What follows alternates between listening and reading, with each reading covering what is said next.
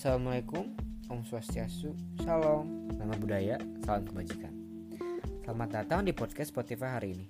Bersama saya, Rehan Aurelio, yang akan menemani hari Anda selama kurang lebih 5 menit ke depan. Topik kita hari ini adalah tentang dinamika pelaksanaan demokrasi di Indonesia. Nah teman-teman, pasti udah gak asing lagi kan sama yang namanya demokrasi, khususnya demokrasi di Indonesia dan bagaimana dinamika pelaksanaannya. Kayak gimana sih dinamika pelaksanaan demokrasi di Indonesia? Apabila kita melihat mengenai dinamika dalam pelaksanaan demokrasi Indonesia, maka tidak dapat dilepaskan dari pelaksanaan dinamika demokrasi ataupun pengertian dari demokrasi itu sendiri. Mengenai pengertian demokrasi, yaitu demokrasi adalah merupakan sebuah sistem pemerintah di mana yang diselenggarakan oleh rakyat, oleh rakyat, dan untuk rakyat, serta maupun dari sistem sosial dan politik pemerintahan dengan kekuasaan pemerintah yang dibatasi mengenai hukum dan kebiasaan untuk melindungi hak perorangan warga negara Indonesia. Dasar demokrasi itu selalu mengacu pada rakyat yang mengenai pertama adalah pelaksanaan kekuasaan negara itu sendiri, ialah wakil rakyat yang terpilih karena rakyat yakin segala kepentingannya akan diperhatikan. Yang kedua adalah mengenai cara melaksanakan kekuasaan negara dengan senantiasa mengingat yaitu kehendak rakyat dan memenuhi kehendak rakyat. Yang terakhir adalah batas kekuasaan negara demokrasi ditentukan dengan sebanyak mungkin memperoleh hasil yang diinginkan oleh rakyat, asal tidak menyimpang dari dasar demokrasi.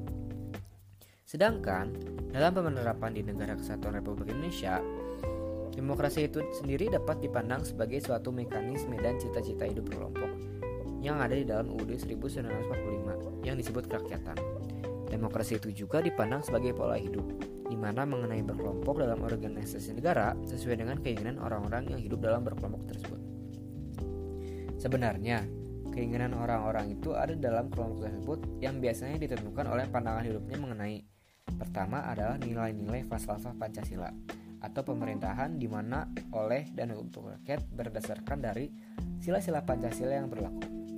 Yang kedua adalah transformasi atau perubahan nilai-nilai Pancasila pada bentuk dan sistem pemerintahan terakhir adalah konsekuensi dan komitmen terhadap nilai-nilai Pancasila yang mengenai UUD 1945. Mengenai demokrasi Indonesia yang pernah diterapkan adalah sistem demokrasi parlementer yang biasanya disebut dengan demokrasi liberal. Dalam demokrasi liberal itu membawa dampak terhadap Indonesia yang sangat besar yaitu dalam mempengaruhi keadaan yang ada di Indonesia, situasi dan politik pada saat itu.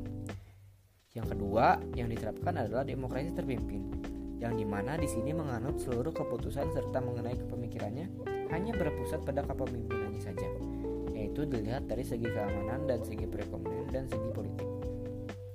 Yang terakhir yang diterapkan adalah demokrasi Pancasila. Yang dimaksud demokrasi Pancasila di sini mengenai demokrasi konstitusional yang mekanismenya mengenai kedaulatan rakyat dalam penyelenggaraan negara yang berdasarkan UUD 1945 tersebut. Nah, kalau mau diurut berdasarkan periode yang pertama adalah periode tahun 1945 sampai 1959 yaitu sistem parlementer di Indonesia. Yang kedua adalah periode 1959 sampai 1900. Yang ketiga yaitu periode 1966 sampai 1989. Periode ini pada era Orde Baru Indonesia menerapkan demokrasi Pancasila. Yang terakhir adalah periode 1989 sampai sekarang. Pada periode ini, lebih tepatnya era reformasi Indonesia, menerapkan sistem demokrasi. Gimana teman-teman? Udah jelas kan topik pembahasan kita kali ini? Seru kan? Semoga dengan pembahasan kita hari ini, kalian akan lebih paham terhadap dinamika pelaksanaan demokrasi di Indonesia. Oke, saya Raihan, pamit undur diri. Sampai ketemu lagi di podcast selanjutnya yang pastinya tidak kalah serunya teman-teman. Dadah!